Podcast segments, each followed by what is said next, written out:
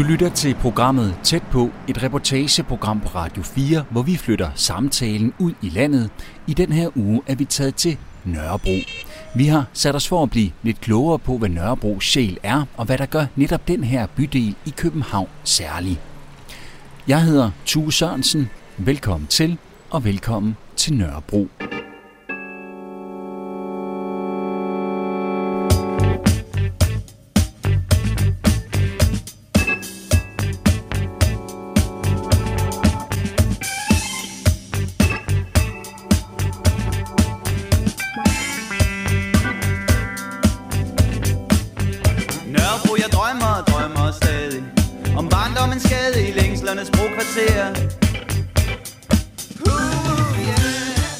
Denne udsendelse er et sammenklip af ugens programmer. Du kommer til at møde nogle af de mennesker, som bor og arbejder på Nørrebro, og andre, som har en særlig relation til bydelen.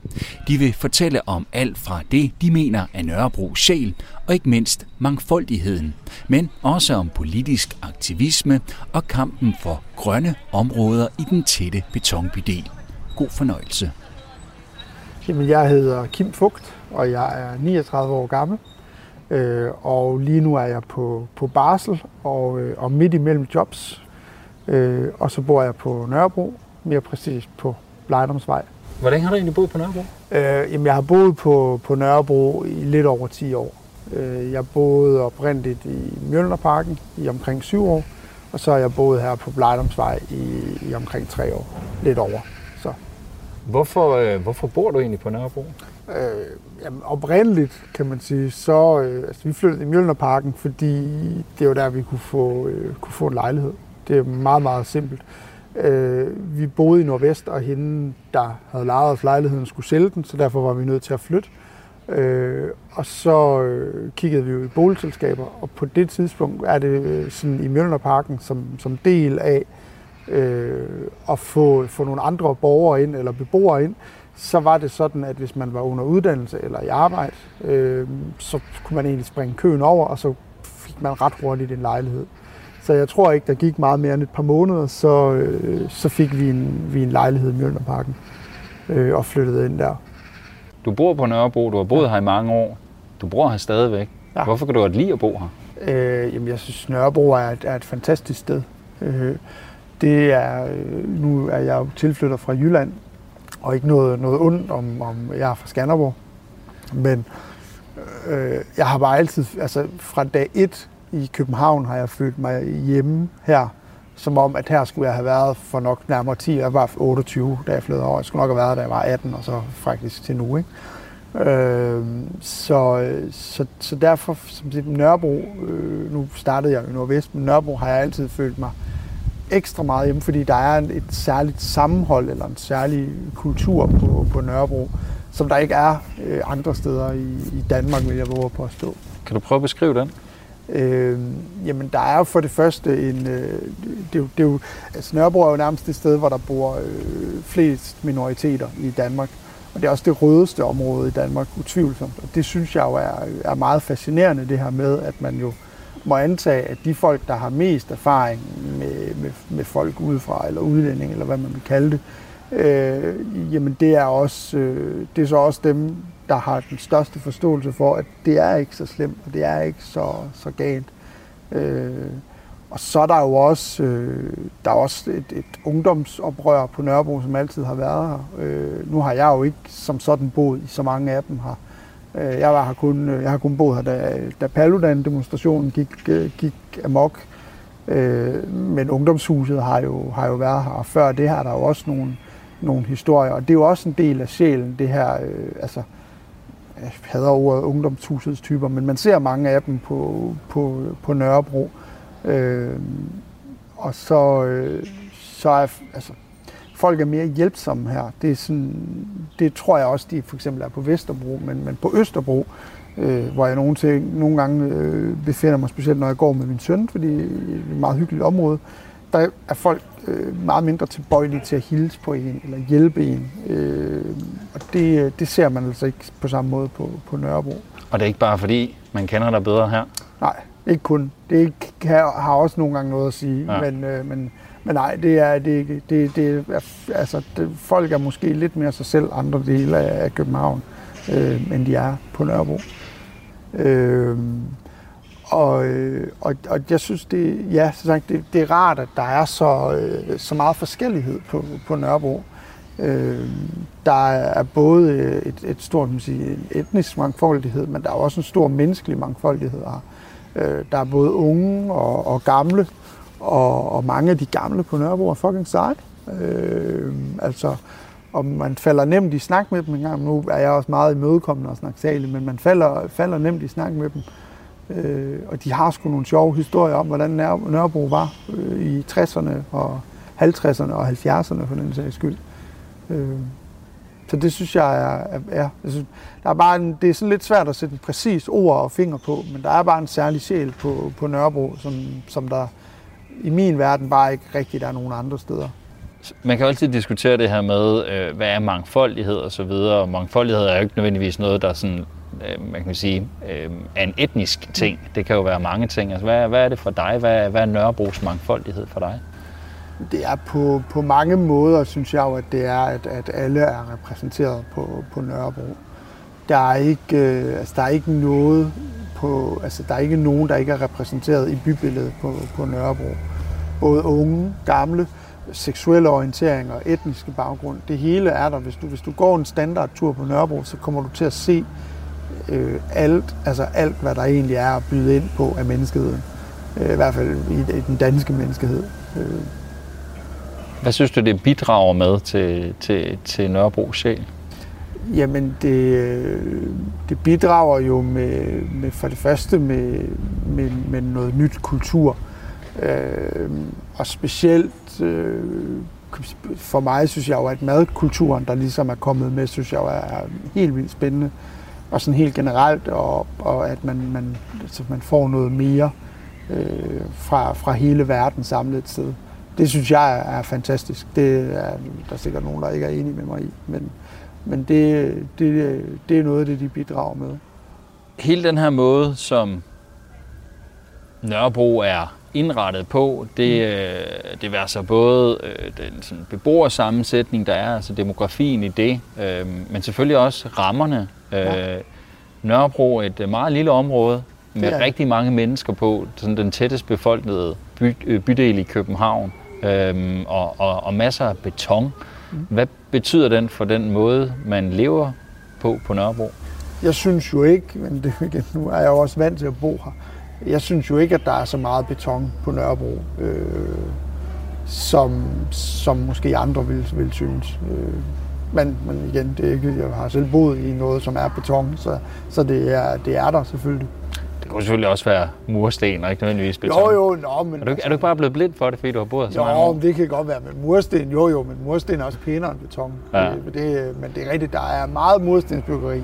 Øh, men, øh, og meget af det er ikke lige så pænt, som det er i på Østerbro. Men, øh, men, men, men jo, det er der, og det, øh, men det, jeg synes jo, det giver et, øh, et, øh, et, anderledes gadebillede, så at sige. At, øh, altså, det er nogle gange lidt sjovt, det der med, at man, altså, at man kan gå rundt på Nørrebro, så kan man næsten ikke se solen, fordi man er omgivet af høje lys. Men så er det heller ikke værre end det.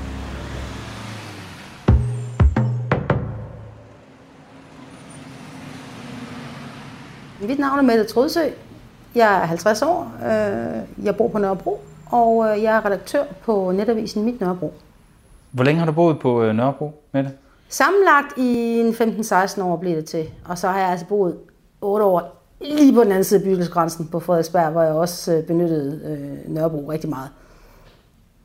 Jeg kommer oprindeligt fra Aarhus, øh, men har boet her i København øh, siden 96. Og der flyttede jeg ind i en lejlighed i Gormsgade, der ligger lige over for Stefanskirken på Nørrebrogade. Øh, og så har det været min bydel siden, også øh, trods det her lille intermezzo på, på Frederiksberg. Og hvorfor er det lige præcis Nørrebro, der er blevet din bydel? Jamen altså, øh, jeg Ja, det er, bare, det er en bydel, hvor jeg har følt mig hjemme fra starten af. Øh, der er et tempo og en tone, jeg godt kan lide. Øh, man er ikke for højtidelig, man er ikke for friseret. Øh, man er en lille smule rebelsk, øh, på godt og på ondt. Desværre også nogle gange på ondt, men heldigvis allermest på godt. Øh, der er et godt øh, naboskab, og, og, og øh, der er sådan en, en, en uformel tone, jeg godt kan lide. Jeg, jeg, jeg kunne godt lide, at der var det tempo, som sagt, og jeg har også prøvet lige at bo kortvarigt på Østerbro og på Frederiksberg, og, og, og selvom der er også gode ting at sige om de bydele, så var det bare ikke der, jeg følte mig lige så meget hjemme. Øh, og, og jeg plejer at sige, at jeg har sådan et forhold til Nørrebro, hvor øh, jeg kan blive pisse irriteret på Nørrebro nogle gange også. Altså, jeg har et forhold, som jeg har til min familie, at jeg holder utrolig meget med af den, og nogle gange forstår jeg næsten ikke engang selv, hvorfor. Men, men, men, men, men at, at det er jo bare på en eller anden måde noget, der ligger i mig, at, at her hører jeg hjemme. Øh, en, en, en, en homey feeling, som jeg har haft øh, fra første gang, øh, jeg, jeg besøgte bydelen. Prøv lige at sætte nogle flere ord på. Altså, hvad er Nørrebro sådan sjæl for dig? Nørrebros sjæl for mig er øh, den her lettere, øh, autonome, Øh, og, det, og, og, og det skal endelig ikke forstås i den her forstand. De gik jo under kabrede ordet, de her unge mennesker, der, der smed med brosten og sådan noget. Det er ikke i den forstand, men det er, den her mere, det er i den oprindelige forstand, som at, at man er mere selvstændig. Men hvis du kigger på Nørrebro, så er der ikke så mange kædeforretninger, som der er på Vesterbro for eksempel. Og sådan noget. Der er flere selvstændige små erhvervsdrivende. Øh, flere øh, anderledes projekter, som du ikke ser andre steder. Der er sådan øh, øh, alt muligt øh, forskelligt, der kører på kryds og tværs. Og så enormt mange samarbejder på tværs af det. Altså aktørerne, restauratørerne og kulturaktørerne og sådan noget på, på, på Nørrebro kender hinanden på kryds og tværs og hjælper hinanden. Jeg er lige gået hjem fra et møde, jeg havde nede på Blågårds Plads her, og, øh, og, og kom til, eller det var, det var med vilje, at jeg købte noget frokost på vejen, men det var lige ved at ønske, jeg ikke havde gjort, for jeg kunne næsten ikke nå at komme hjem gennem øh, øh, øh Renselsgade på sådan en solbeskinnet dag, fordi så var der jo lige den ene restauratør, jeg skulle tale med, frisøren og fiskehandleren, og så fandt vi ud af, at der var ved at flytte en ny restauratør ind i øh, et sted, der stod tomt, der, og så var vi flere, der stod og snakkede om det. Så det er jo den her lille landsby i byen, det er Nørrebro virkelig. Og, øh, og, og på mange måder er det, er det lige så småt, og nogle gange også lige så kedeligt, som det er mange steder i provinsen. Folk tror jo fandme, nogle folk tror jo, at, øh, at, at når man går ud af døren øh, her på Nørrebro, så skal man skudsikker vest på og sådan noget. Og jeg bliver nødt til at kede jer med, eller øh, øh ærger jer med, at, at, at vi andre, vi, vi står også bare op om morgenen og tænker, hmm, er det egentlig i morgen, jeg skal løbe, eller er det egentlig i morgen, hvor jeg bare følger min datter direkte i skole, og så gør man det, og så, går, så siger man hej til naboen, og så går man på arbejde, og så spiser man aftensmad, og jeg ikke har sagt. Vi har nok flere muligheder for at gå ud og spise aftensmad, man har mange steder øh, ude på provinsen og sådan noget. Der, der, der, der sker jo en masse øh, på gader og stræder og sådan noget, men, men og den, den, den hygge øh, kan jeg enormt godt lide ved at, at bo her. Hvorfor tror du, det er sådan, det at der er så mange, øh, altså vi har ikke alle de her kædeforretninger, som du siger, det er mere uafhængigt, det er mere lokalt, det er måske også mere småt. Er det fordi, at det er bare som Nørrebro er? Er der et særligt behov for, at det er sådan på Nørrebro, eller hvad? Altså, du skal jo ikke sidde her og lege historiker, for det er jeg ikke, men, men, men man ved jo, at, at, at, at Nørrebro er jo et, et, et arbejderkvarter. Det er jo aldrig her, øh, hvor folk de har haft flest penge øh, i København. Øh, så det har jo været der, og vi bor jo tættere, end man gør noget andet sted. Der mm. bor over dobbelt så mange mennesker øh, per kvadratkilometer på Nørrebro, som der gør i den øh, bydel. Øh, 4,1 kvadratkilometer, ikke? Og, og, og, øh, og øh, den, den bydel, øh, øh, der er næst tættest befolket, der bor halvt så mange per kvadratkilometer. Vi har meget lidt grønt, og vi bor meget, meget tæt Øh, og, og, og derfor har man jo øh, på mange måder naturligt mere med hinanden at gøre. Øh, også nogle gange på måder, man ikke har lyst til, sikkert. Men, men, men i hvert fald, øh, øh, og, og, sådan har det jo, og sådan har det jo historisk været. Ikke? Øh, øh, at, øh, og, så det, og så er Nørrebro, øh, måske har det også noget med det at gøre, men Nørrebro er den bydel, og nu skal jeg passe på, hvad jeg siger, om det er den bydel, der har flest, men det, men det tror jeg nu nok, det er. Men vi har i hvert fald 42 procent, ved jeg, af, af vores boligmasse er andelsboliger. Og andelsboligforeninger har jo traditionelt også øh, har det jo med at have meget med hinanden at gøre, og, og lave gårdmiljøer, hvor man kommer hinanden ved og sådan noget. Mm. Ikke? Øh, det er en meget, meget stor øh, del af boligmassen her på Nørrebro, det tror jeg også har noget at sige. Øh, øh, det samvær den måde, og den måde øh, øh, også at være aktiv i, i, i sin andelsboligforening øh, på. Nu har du boet her i rigtig mange år. Hvordan synes du, bydelen har udviklet sig? Har den udviklet sig, synes du? Jamen det har den, og det sjove er jo, at, at for os lokale, jeg vil ikke tale på 80.000 menneskers vejen selvfølgelig, men, men, men, den, men, men for mange af de lokale er en meget øh, større og mere presserende diskussion end alt det her med bander, som mange ude i landet øh, tror øh, er lige med Nørrebro. En meget vigtig diskussion for os er gentrificeringsdiskussionen. Fordi ja, der har været en kæmpe stor udvikling i de, øh, i de øh, 15-16 år, og altså i alt 24 år, jeg faktisk er kommet på Nørrebro og har, har, har brugt Nørrebro. Der, der er jo sket enormt meget, og der er jo øh, sket rigtig meget med restaurationslivet. Der er sket hernede i Ramsforsgade, Øh, der var, hvad, for 15 år siden, der havde de stadigvæk øh, sådan nogle låse på øh, fryse øh, altså for ellers løb folk med hele stege og sådan noget. Ikke? Ja. Øh, det har de ikke længere, og det er jo, det er jo fedt nok. Men, men det er jo også en del af det her med, jamen, nu kommer der flere og flere restauratører, de får lov til mere og mere udservering. Man, man har i mange år talt om at, at, at skulle lave øh, uh, trafiksikring øh, øh, i Randsovsgade, og det skulle de begynde på at gøre her til efteråret. Det vil medføre en, en, en meget større udserveringsareal øh, øh, for restauratørerne. Og det er der nogen, der begynder at sige, nu skal vi også passe på, at det ikke bliver en gade, hvor man skal have penge op af lommen for at sætte sig ned på en bænk. Ja. Og den diskussion har du mange steder på Nørrebro. Du har øh, Nuks Plads, øh, er jo også igennem, øh, skal igennem et, et byudviklingsprojekt nu, øh, hvor nogle private øh, ejere har, har købt grunden fra, fra, statens, øh, fra staten. Og, øh, og der, har, der har også været holdt borgermøder, sådan noget, hvor folk har sagt, nu skal vi passe på, og det ikke bare bliver et sted, hvor man ikke kan opholde sig på den her plads øh, inde i den nye byggeri, uden at altså, have lavet op ad lommen. Ikke? Ja. Så det der er meget, det er folk meget opmærksom på. Øh, da jeg tidligere, øh, eller da jeg sidste år skrev en artikel om øh, vores øh, forholdsvis nye højhus Nordbro ude ved Nørrebro station, om at priserne på, på, på studieboligerne i tårnet der, de, de startede ved 7.600 kroner. Altså, der var gik en hæftig diskussion og meget, meget deling af den artikel om, at det kan jo simpelthen ikke være rimeligt, at, øh, at studielejligheder skal koste det. Men det er der virkelig meget fokus på. Øh, på Nørrebro har lokaludvalget meget fokus på også. Øh, og det, det, er der, det er der mange, der går op i. Og, og hele det her med, med altså nu skal vi jo sælge, øh, fra, nu vil de jo frasælge dele af Mjølnerparken og sådan noget. Det er jo også nogen, der synes, øh, er det udtryk for den her gentrificering, så skal der komme nogen, der har råd til at købe nogle ejerlejligheder midt i Mjølnerparken. Ikke? Og hvor skal vi andre så bo? Er du bange for, at det betyder, at Nørrebro ikke længere vil være Nørrebro, hvis det fortsætter på den måde? Jamen på mange måder er jeg jo, og på, på andre måder er jeg jo lidt sådan en del af, øh, af problemet, fordi jeg tilhører selv det segment, som, som gentrificerer bydelen. Jeg elsker jo også selv at gå på café og på restaurant og sådan noget, ikke? Og, og, og, og med til det. Men, men ja, men, men, men det kan også, der kan også blive for meget af det. Det kan også blive for poleret. Øh, det synes jeg ikke, det er endnu.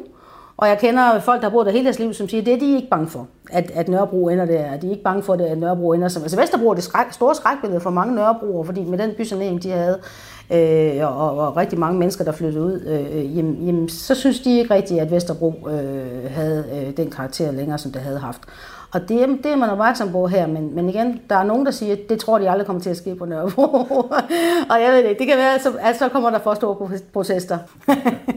Mette, da vi øh, snakkede om, at øh, vi skulle mødes, øh, og hvor vi skulle mødes hen og så videre, så sagde du, at du synes, vi skulle lidt udenfor, mm. ude på gader og stræder, mm. på Nørrebro, mm. fordi det er Nørrebro. Skal vi gå udenfor? Det synes jeg, vi skal. Så går vi en tur. Ja. Øh, så går vi ud gennem baggården her. Så kan du jo så se en typisk... Nej, jeg ved ikke, om det er så typisk, den her baggård. Nu er det sådan her med den her bygning, øh, at den er fredet. Øh, og det er gården her, de tre træer i gården i øvrigt også. Så der må vi ikke øh, vælte ting ned, og det synes jeg er fedt. Øh, fordi jeg synes jo ikke, det gør noget, at man øh, kan se, når der er byggerier, som der har gjort noget ud af. Øh, at man ligesom kan føre dem tilbage, men så til, til, til den tid, hvor de blev bygget. Men ellers er det jo sådan meget klassisk Nørrebro baggård. Øh, det er sådan meget stor, øh, en stor gård. Mm. Øhm, ja, så er den jo sådan set hegnet inde af bygninger hele vejen rundt omkring. Og så er vi så fælles som gårdlav øh, om gården. Hvordan er det gårdlav? Er det noget, du Jamen, bruger? du kan jo se her, jeg synes jo, det er et fantastisk gårdlav. Altså, det, at de, der er jo blomster, og, og der er, de har agurk og tomatplanter nu, og hække, og, og legetøj til børn, og få stillet det her op. Øh, nogle, synes jeg, rigtig, rigtig pæne træ, øh, legestativer og, og, pavilloner og sådan noget, ikke sådan noget plastikdims og sådan noget. Jeg synes, det er en, altså, jeg synes, det er en fantastisk gård, jeg elsker den.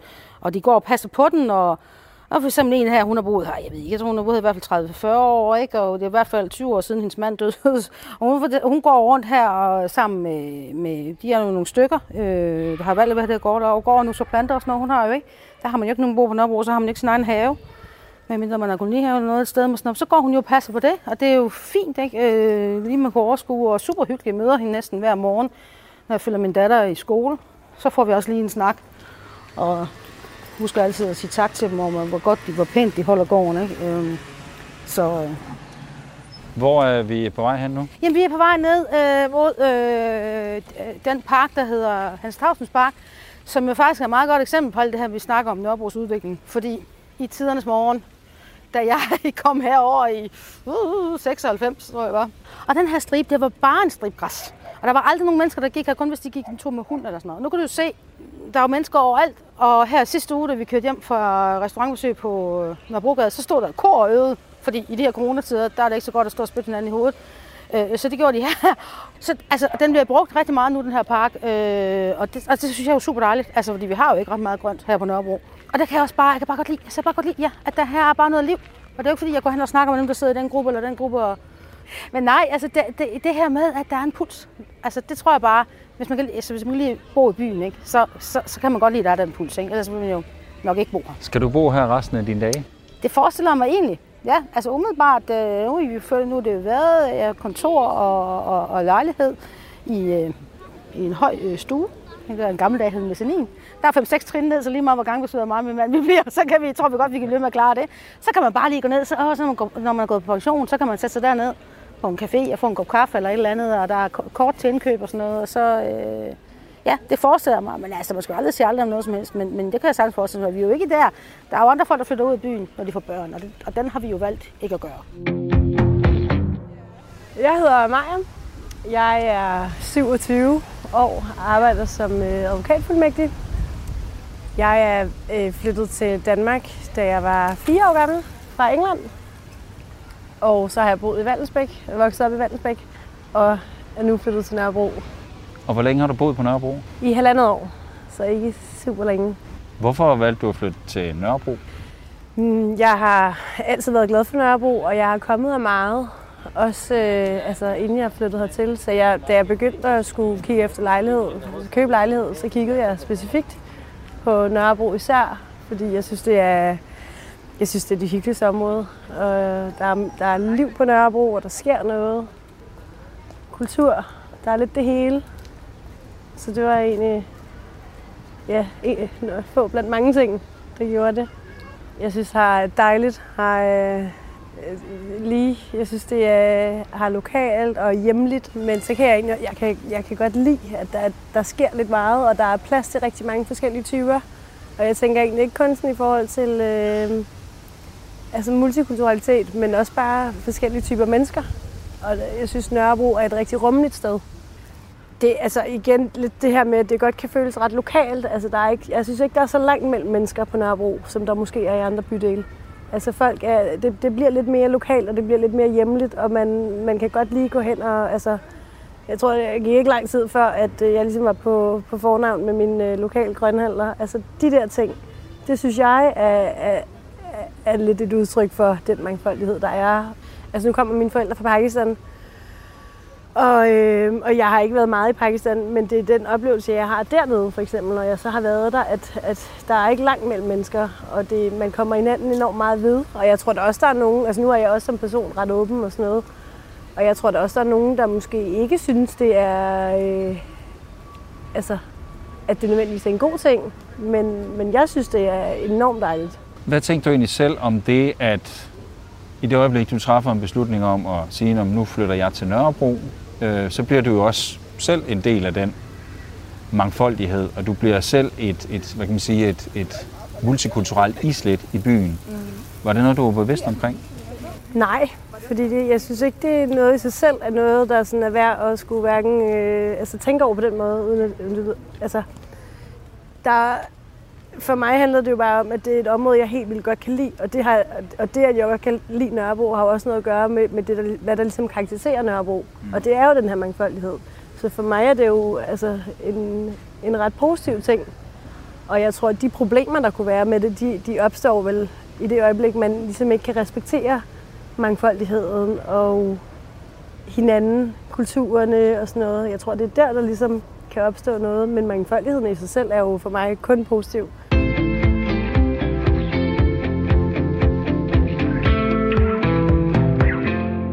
Du lytter til reportageprogrammet Tæt på, hvor vi er i gang med at høre et sammenklip af ugens udsendelser, hvor vi går tæt på bydelen Nørrebro i København.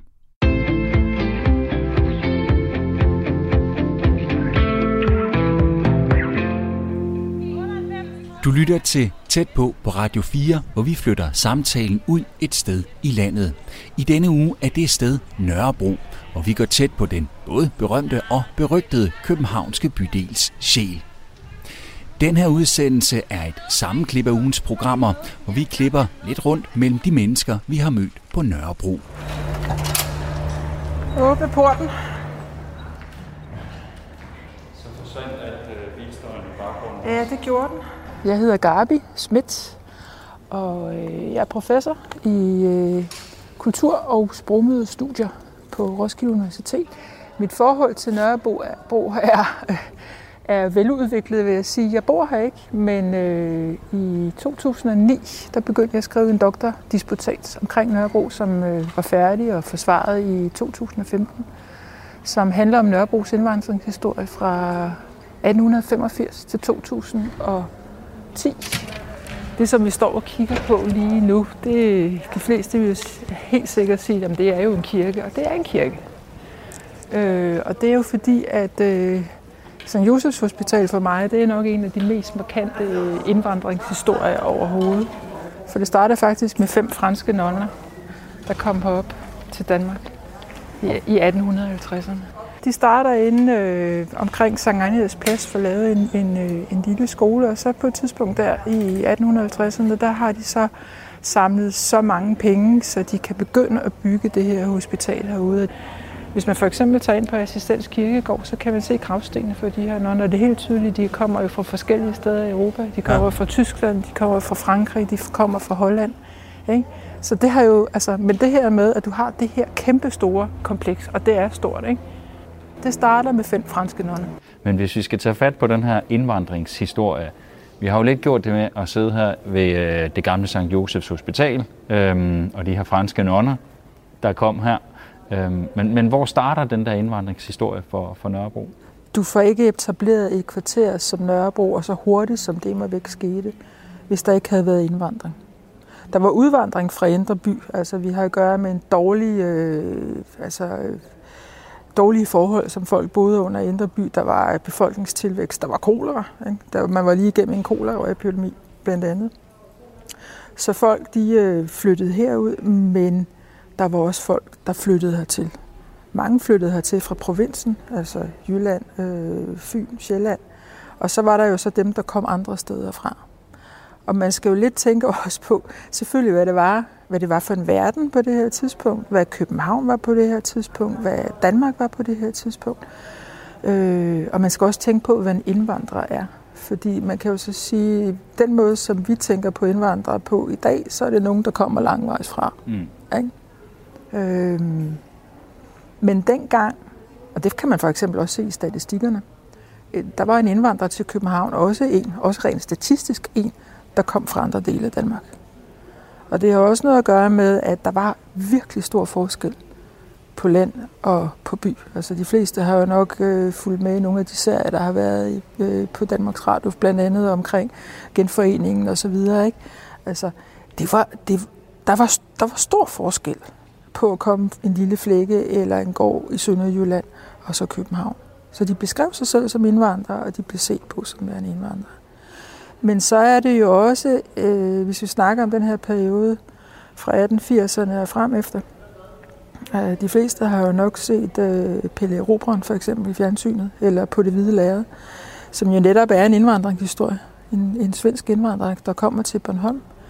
De fleste vil jo også kende de der, eller kende historien omkring de indvandrere eller udvandrere fra Sverige, der tog til USA. Men nogle af dem tog ikke til USA.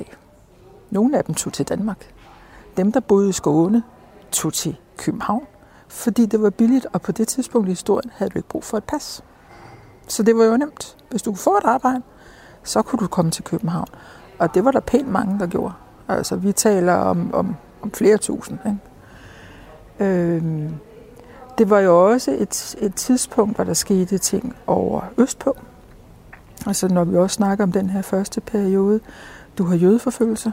Du har faktisk også en tilvækst af den jødiske befolkning i Østeuropa, som, gør, som, som er fattige og netop forfulgt, som gør, at der er en del af dem, der for eksempel øh, flytter til øh, London, Whitechapel, eller til New York, øh, hvor man begynder at snakke om ghettoer der, øh, men som også flytter til København. Og de første, de flytter til Indre By. De, vi får en, en indvandring af, af russisk-polske jøder fra 1903 og frem efter. Øh, de starter med at bosætte sig i Indre By, men langsomt men sikkert, sådan, som de langsomt får fodfæste, så er der jo også nogen, der flytter til Nørrebro. Så øh, det er også en del af udviklingen. Øh, man kan nørde længe med tal, ikke mindst som forsker, men, men øh, hvis man ser på folketællingerne for nogle af de her gader øh, på Indre Nørrebro, hvor vi sidder nu, så var der allerede der i 1890, der var der de der omkring 20 forskellige nationaliteter eller etniske grupper, eller hvad man nu skal kalde dem. Nogle, altså, der var jo også repræsentanter af folk, der kom fra, fra de daværende danske kolonier. Men der var også folk, der kom langvejs fra. Ikke? Og det kan man jo se igennem hele historien. Det er måske ikke fordi, at de har været mange, numerisk mange, men man har for eksempel lagt mærke til dem. Altså de her russiske jøder, som jeg lige har snakket om, de skiller sig jo meget ud. De bliver beskrevet som værende anderledes.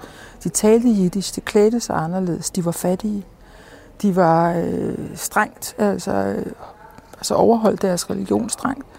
Så det var måske ikke fordi, at der var tusindvis af dem altså på Nørrebro, men de blev lagt mærke til, og de var en del af den her mangfoldighed, som, som allerede var på Nørrebro på det her tidspunkt. Øh, netop når vi ser på, øh, på den her første periode, så skal vi jo tænke på, at det her det har været nybyggeri. Godt være, at det var noget skrammel, når vi kom til 1950'erne og 60'erne, og virkelig skrammel, ikke? Men når vi har at gøre med de her nybyggede huse, som lugter af, af nyhøvlet træ, ikke? så har det jo været fedt, særligt hvis du har boet inde i nogle af de der rønner, som var i Indre By, og så flytte herud. Så man kan se, i hvert fald i starten, så er det helt tydeligt, at dem, der for eksempel arbejdede i staten eller for kongehuset, eller havde egentlig havde gode stillinger, de begynder at flytte herud. Du har jo også pænt store lejlighed på Nørrebrogade. Ikke? Mm. Altså, det er jo ikke, det er ikke kun arbejderkvarteret. Men hvorfor jøderne så flytter ud? Altså noget af det har jo at gøre med, at de gør ligesom alle andre.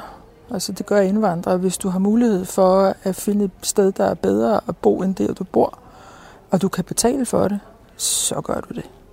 Ikke? Noget af det hænger også sammen med, at, øh, og det er ikke mindst tydeligt, når vi har at gøre med jøderne, at de øh, bosætter sig meget tæt op og, op og ned af hinanden. Ikke? Nogle gange også i de samme huse. Det gør de både i Indre By, øh, og det gør de også herude. Og så den sidste ting, og, og det er også det der, man roser, når man fordi, var det fordi, at, at det ligesom var arbejderklasse boliger, folk gik efter. Altså en af dem, de indvandrere, øh, eller børn af jødiske indvandrere, som jeg beskæftigede mig med, han blev, han blev øh, bibliotekar på det kongelige bibliotek, og har dermed haft en ganske pæn indkomst. Alligevel så, så valgte han, øh, at hans familie skulle bo i en pæn lille lejlighed på Vesselsgade. Den har ikke været særlig stor. Og så kan man sige, hvorfor valgte han ikke øh, Hellerup eller noget, der var mere mondant? Eller, altså, han, manden har haft en god indkomst. Man skal jo regne med, at du har at gøre med, med, med, med jøder, som ønsker at overholde deres religion. Så hvis de skal i synagogen i forbindelse med afslutningen af sabbaten, så sætter de sig ikke ind i deres bil. Det skal være i god afstand. Nørrebro har igennem hele historien været et sted, hvor det var nemt at få en bolig. Det er jo også meget godt, hvis du kommer udefra og måske ikke kender så mange. At øh, her er der et sted, hvor øh, du nemt kan få et bolig. Det, du skal måske ikke betale så meget for det, som du skal andre steder i byen.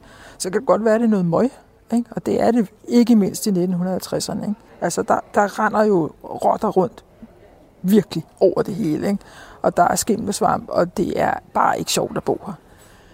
Men det er til at få et sted at bo. Så der er det, de kommer øh, og, og, og bliver en del af, af området. Hvordan har øh, altså den her mangfoldighed, som det så skaber med så mange nationaliteter samlet på et jo ret lille område, som Nørrebro er, hvordan fungerer det sådan ligesom i, i dagligdagspraksis? Giver det mening, det spørgsmål? Ja. Jamen, det fungerer nok lige så forskellige artet, som, så meget andet. det var det meget mudrede svar. altså, jeg tror, noget af det er jo, at øh, der er ting, som man ser, og der er ting, man ikke ser. Altså, tit så siger man, at der må, altså, hvis folk er meget anderledes, så ser andre meget anderledes ud, for eksempel. Øh, måske taler dansk mindre godt. Jamen, er det ikke ligesom en kilde til problemer? Og det vil sige, nej, faktisk ikke altid. Øh, noget af det har at gøre med personlige relationer. Øh, at man for eksempel kommer til at kende hinanden, at man bliver venner, at man bliver venner med hinandens børn, eller, eller ens børn bliver venner med hinanden og sådan nogle ting. Ikke? Øh, det har noget at gøre med, hvad det er for nogle bestemte grupper, der i en, en, en given historisk periode bliver beskrevet som værende et problem. Altså de færreste af os øh, vil i hvert fald, med mindre der er, der er VM i fjernsynet, eller hvad det nu måtte være, vil se som, på svensker som værende et problem. Ikke? Øh, hvis du ser omkring det der omkring år 1900, så bliver de jo virkelig set på som værende et, et indvandringsproblem i København, og nogen, som man egentlig ikke ønsker skal være her. Men, men diversiteten og den her mangfoldighed, hvordan man lever med den, jamen jeg vil sige absolut nogle gange giver den konfrontationer, nogle gange ser man den ikke. Øh, altså der er jo også flere forskellige typer af mangfoldighed. Ikke? Der er, og sådan er det jo også nu. Altså det der med, at du har folk stadig ikke fra arbejderklassen, som bor her, eller øh, drikker for mange øl, eller hvad det nu måtte være, og så har du direktøren. Det er jo også en del af en mangfoldighed. Mm. Øh, du har hipsterne, du har øh, småbørnsforældrene, øh, du har dem, der har lyst til at feste til klokken øh, 4 om morgenen, og du er dem, der har lyst til, at der skal være ro klokken 10. Ikke? Du har dem, der går meget op i deres religion, og du har dem, for hvem det betyder natter. Ikke? Øh, så på den måde er der, der er mange forskellige dimensioner af det her, hvor man kan sige, når vi tænker på mangfoldighed, så har vi også vendet os meget til at tænke i spørgsmål omkring indvandring. Ikke mindst i løbet af de sidste 10 år. Men hvis man kigger nærmere på det, hvis man også kigger på den her dynamik, som for eksempel er her, og også historisk har været her, så er der jo mange ting på spil. Ikke? Spørgsmål omkring social klasse. Spørgsmål omkring, øh, ja, netop hvor det er, man er i livet. Etnicitet, men også mange andre ting. Jeg hedder Jesper Lund, jeg er 54 år og har boet her på, på Nørrebro i en 25 års tid indtil lige for nylig, hvor jeg flyttede herfra. Jeg voksede op i provinsen i Allerød og har altid haft lyst til at flytte til København. Jeg startede faktisk med at bo ude i Sydhavnen, men så blev jeg sådan, øh, hvad skal man sige, aktiv, studenterpolitisk aktiv og mødte en masse mundre og virksomme mennesker. Og de boede på Nørrebro, og så flyttede jeg også til Nørrebro. Nu siger du, øh, hvis man er aktiv, hvis man er måske lidt politisk interesseret osv., så, så, så, øh, så er Nørrebro et, et godt sted at være. Altså, der, der er jo den her øh, aktivistiske ånd ja. på Nørrebro. Øh, den fornemmer man, øh, også selvom man ikke bor her. Kan du ikke prøve at, at beskrive den? Øh, fordi den har jo så også tiltrukket dig. Altså, der er jo mange slogans, der hedder sådan et eller andet med vores kvarter. Sådan en form for, vi synes, vi ejer Nørrebro. Og på den måde, så er det også øh, tit i et modsætningsforhold til de høje herrer inde på kommunen måske, eller statsministeren langt væk, eller et eller andet. Så, så derfor er det også tit, hvis der er noget, der man ikke synes er i orden, så kan man sådan på godt og ondt, så kan man sige, så er der måske en tendens til, at folk her, de, de tager det på sig og gør noget ved det. I stedet for at læne sig tilbage og brokke sig over, at, øh, altså brokke sig hjemme i sofaen over de dumme politikere eller et eller andet, så er der jo lidt en tradition for, at man går skridtet videre og siger, at det må vi skulle lave om på. Øh, og så gør man noget ved det. Om det så er at fatte en skovl og begynde på det, eller demonstrere, eller udvikle nogle projekter. Eller sådan. Så, så jeg synes lidt, der er sådan en stemning af, at ja, det er vores by, og vi må tage ansvar for den. Hvis der er noget, der ikke fungerer, så føler vi os også måske sådan lidt øh, medskyldige eller ansvarlige for det, og for at rette op på det lidt i stedet for igen at, at læne sig tilbage og sige, det må nogle andre gøre noget ved. Så tænker vi måske mere, Nå, det må vi gøre noget ved. Hvornår øh, blev du, hvis vi skal sige det, hvis du sådan uh, kan pinpointe det, uh, aktivist? Ja, altså med her på Nørrebro, så vil jeg, altså jeg var politisk aktiv i, i sådan forskellige antiracistiske arbejde og øh, miljøarbejde og sådan noget. Øh, og det foregik her på Nørrebro, men handlede jo også om, om hele landet og så videre. Men jeg vil sige, der hvor det rigtig øh, tog fart, det var, det var med øh, Folkets Park, som vi sidder i nu. Øh, og jeg tror, det, hvad har det været? 94, 96 eller et eller andet, at, øh, at vi rigtig tog fat i den. Prøv at fortælle historien. Altså, hvad, hvad var det, der ja. skete her? Hvor, hvorfor var det, at du blev aktivist ja. lige netop her? Altså, det var, vi, vi var en, øh, en del mennesker, som nogle gange hang ud hernede. Og ikke at lave noget. Vi tænkte ikke rigtig over, at, hvad det var for et sted, og hvilken historie det havde. Det var bare ligesom en, en lille åbning i karrieren, og der var noget grønt, og der kunne vi godt lide at sætte os ned. Og så kom der lige pludselig en meddelelse, at man kunne læse i avisen, øh, køb en andelslejlighed i Folkets Park. Altså så, oh, fandt vi ud af, hvad fanden, det skal bebygges her. Det hele forsvinder. Vi har lige fundet det dejligste sted, hvor helt fantastiske ting kan lade sig gøre. Øh, og nu skal det væk. og så, var, så, så må, tog vi jo konsekvensen og sagde, hey, det må vi lige sætte os ind i og se, øh, hvordan det hænger sammen, og om det nu kan være rigtigt. Så holdt vi så jævnlige møder og lagde planer og lavede grupper og demonstrerede. Og... Men det vigtigste af alt var, at vi, vi simpelthen øh, gik i gang med at renovere parken og plante træer. Og lod politikerne ja, så bare være og sige, okay, I får lov til at beholde det her stykke jord? Nej, nej, det krævede jo, altså jeg tror det krævede 5-6 års øh, ihærdig kamp på alle tangenterne på hele klaveret.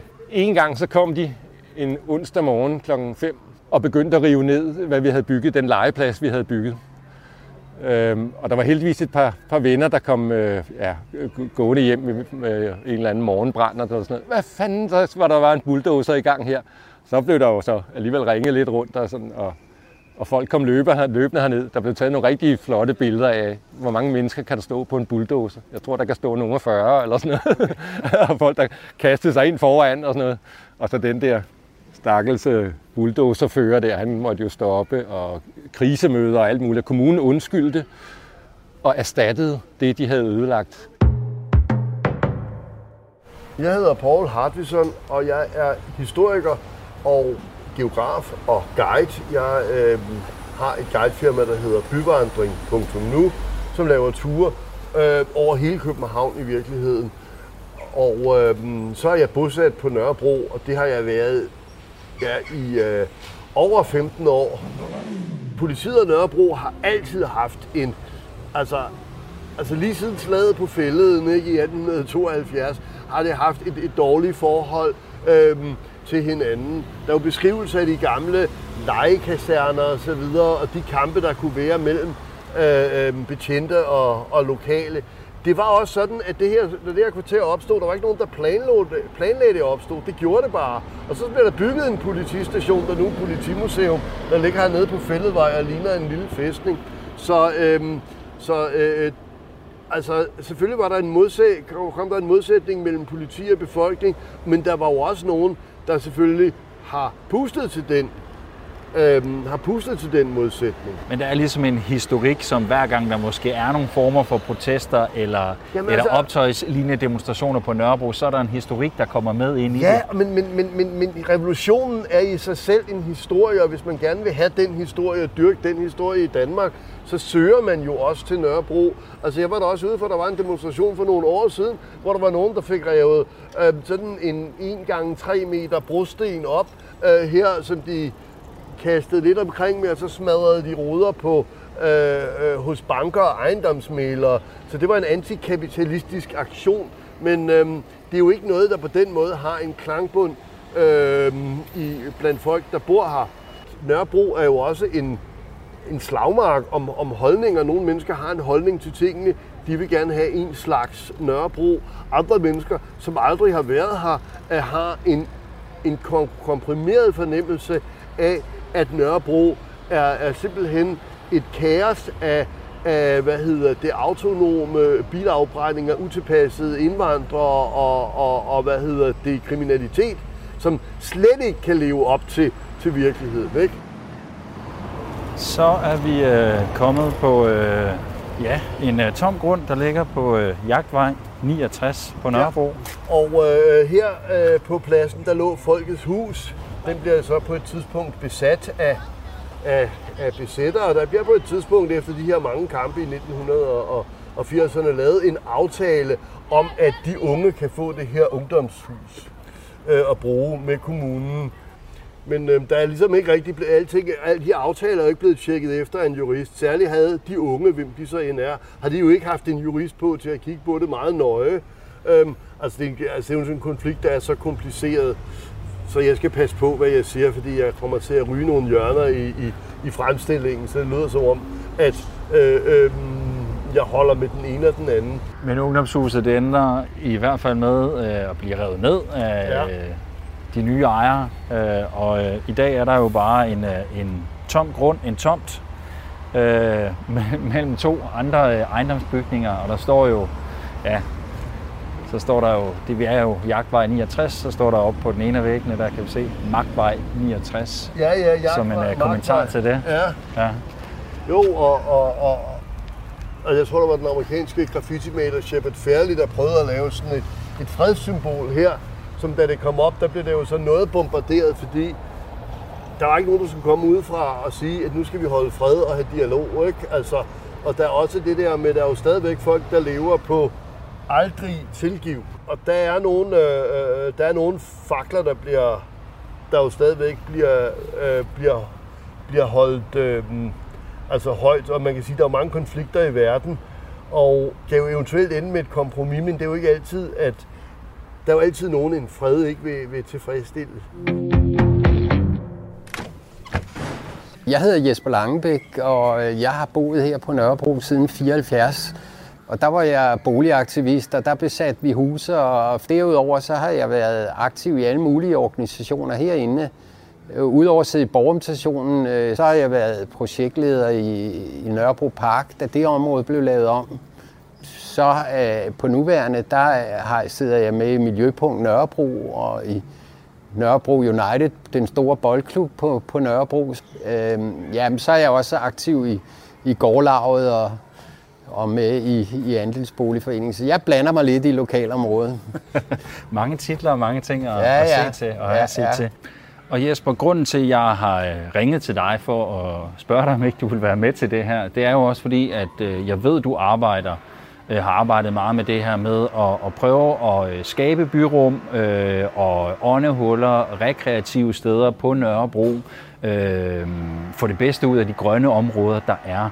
Og der er jo det skisme i forhold til Nørrebro, at det er den bydel i København, hvor der bor flest mennesker, men på mindst plads, og det er også det område, hvor der er mindst grønt per øh, indbygger. Øh, og det er jo noget af det, som, som du har arbejdet med. Kan du ikke bare lige sådan overordnet set, altså, hvad betyder den her befolkningstæthed for det at bo på Nørrebro? Jamen altså, det, der er jo ingen tvivl om, at det grønne er helt afgørende for, at man kan bo ordentligt, og, og altså, at vi skal væk fra stenbroen. Og i gamle dage snakkede vi jo og viste den der øh, mælkebøtte, der kom op igennem asfalten. Og der har vi jo altså øh, nået noget mere, og det er jo både ved, at, at vi kæmper for at gøre vores gader grønne, øh, også som led i klimaindsatsen. Øh, det er jo noget med at, at bevare parkerne, og, og der har vi jo i perioden netop fået Nørrebro Park, og hele det der område, det var jo gamle dage sådan et Klondike-område, tidligere jernbane, tracé, som blev lejet ud til alle mulige små erhverv. Og så, så vi har fået lidt mere grønt, og så er der jo netop gårdene her, som man ikke ser, men som øh, jo efterhånden ligger bag øh, 80-90 procent af, af alle bygninger på Nørrebro har en gård inde bagved. En grøn gård, og det er jo også med til, at du har et, et nært øh, grønt område. Det tror jeg er helt afgørende for, øh, hvor, hvor attraktive boligerne opleves, at du kan komme ud i det der grønne. Så, så det er jeg kæmpet meget for igennem tiderne. Hvorfor er en gård ikke bare en gård på Nørrebro? Hvorfor er det noget andet på Nørrebro? Jamen for mig er den jo noget andet, fordi jeg har boet her i så mange år ved øh, at være med til at se tingene vokse op og planterne vokse op og haft ejerskab til rhododendronbusken, som øh, jeg vil kunne finde på at sige, at det, det er min. men, men altså, det, det tror jeg, der er mange, der kan også, når man når op i alderen, så bliver man måske også, ja det er forskelligt, der er også mange unge, men, men altså, så bliver man engageret i, i noget natur, Og det er jo meget op i tiden nu. Altså alle engagerer sig jo i bynatur, og hvordan kan vi gøre det mere grønt? Og vi ved, at øh, hvis ikke vi får det, så har vi ekstra varme i byen, og, og det er godt øh, for, øh, for at begrænse CO2'en. Og, og øh, vi er også gået i gang med for eksempel her i gården at lave sådan mere øh, rolig plejeplan, sådan, så tingene får lov til at gro lidt mere, og græsset får lov til at blive lidt højere. Og alt det her sådan, øh, med bedre forståelse af naturen, og også prøve at have noget natur inde i byen, det tror jeg er helt vigtigt, og det er der bred enighed om, at, at det er vigtigt at være i nærheden af, af grønne områder for ens helse og psyke.